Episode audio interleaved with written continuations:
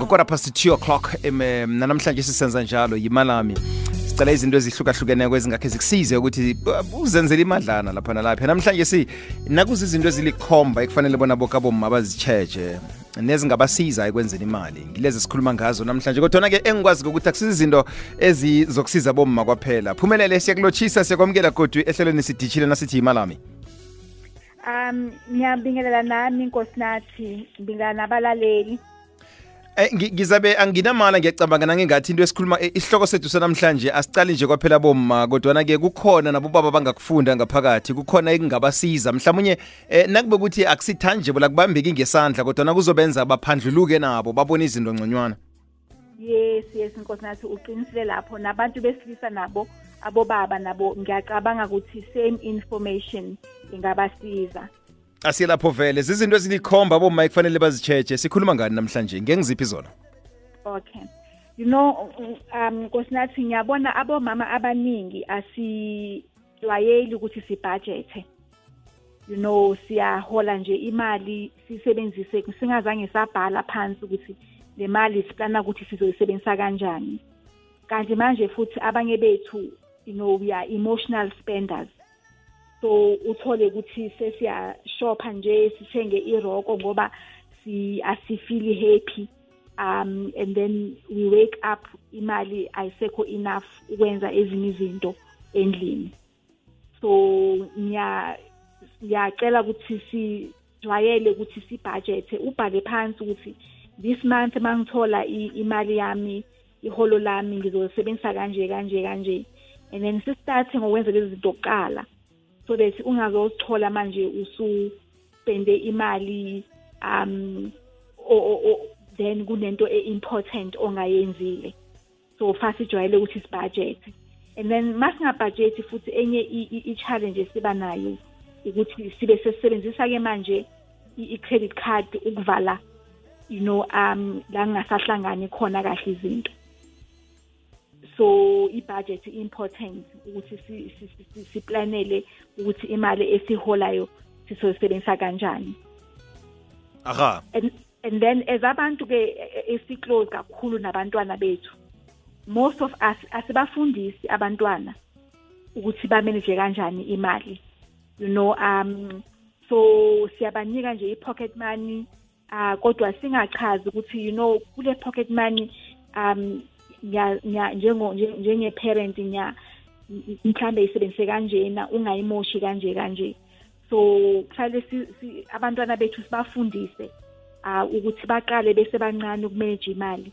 Even if sibathengela isiketekete ukuthi bajwayele ukuthi even leyo pocket money enye yayo bayisave mhlambe once a year ngodisemba umntwana azithengele something ukuzijabulisa but first qala abantwana besebancane ukubafundisa nabo ukumanage imali.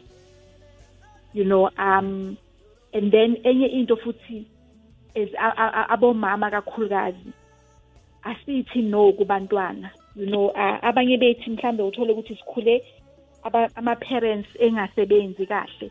So bebengakwazi ukuthi basenzele izinto esizifunayo.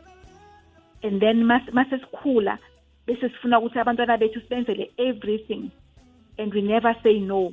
Umntwana makathi ngifuna this ngifuna i-matric dance i-matric uh you know dress for i-matric dance ka-five thousand.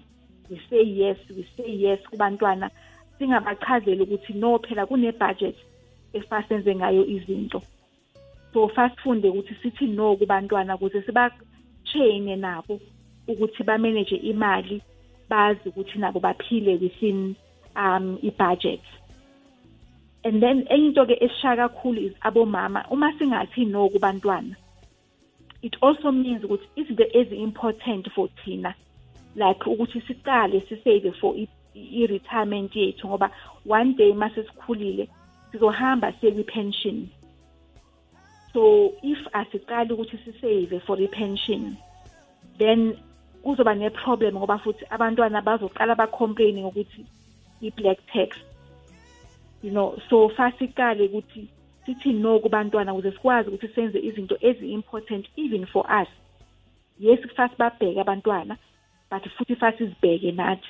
And sizibhekelele for our old age sikwazi ukuthi siqale siseke for our own old age.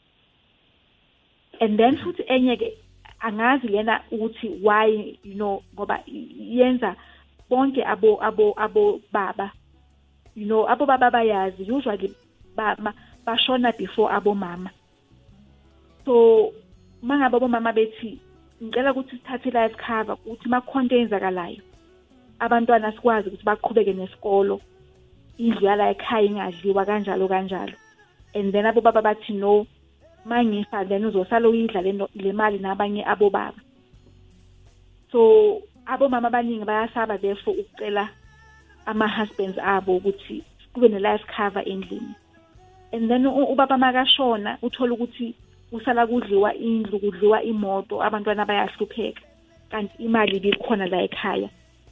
So ngiyasuggesta kubomama ukuthi nabo baba abamamele ukuthi you know bancedise abomama babo um ukuthi kube nama-life cover emakhaya ukuthi uma beshona kungadliwa iy'moto abantwana baphume esikoleni sometimes kureposeswe nekhaya because akukho imali ephumile ukusiza after beshonile.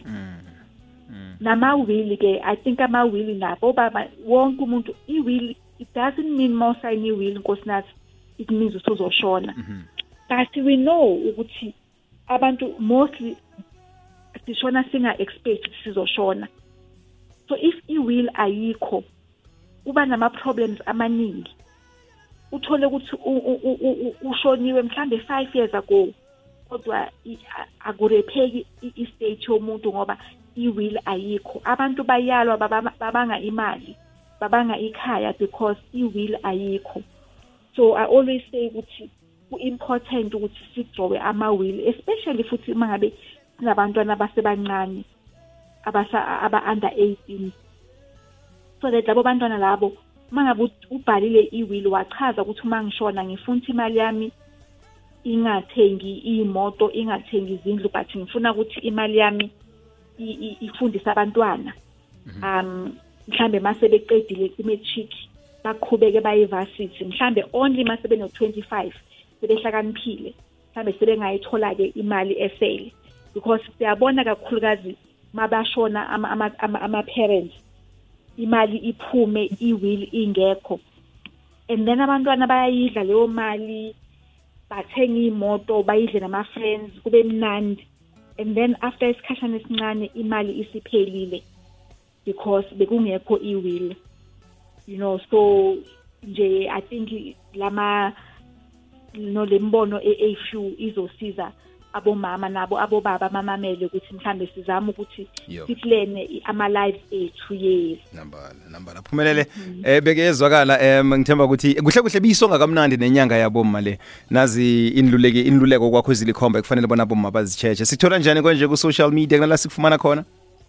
Yes sikhona i-social media kwi-facebook ikhona ithuthuka SA sikhona naku-linkedin kanti futhi nama-ofisi akhona um mawufuna ukufona ofisini noma usend i-email address i-email yethu info at thuthuka minus sa for south africa dot co dot za mawufuna ukufona i-office number yethu u-011 568 2635 phumelele sithokozile thina sokhuluma nawe kodwa ngokuzako thank you so much kosinathi ngiyabonga. Mhloli wencwadi esihloko esithi from debt to riches ngale ku-25000 yamakhophi eselathengisiwe. Akuvami nakancani-ke lokho naziza encwadini ukuthi incwadi ithengise amakhophi amaningi angaka.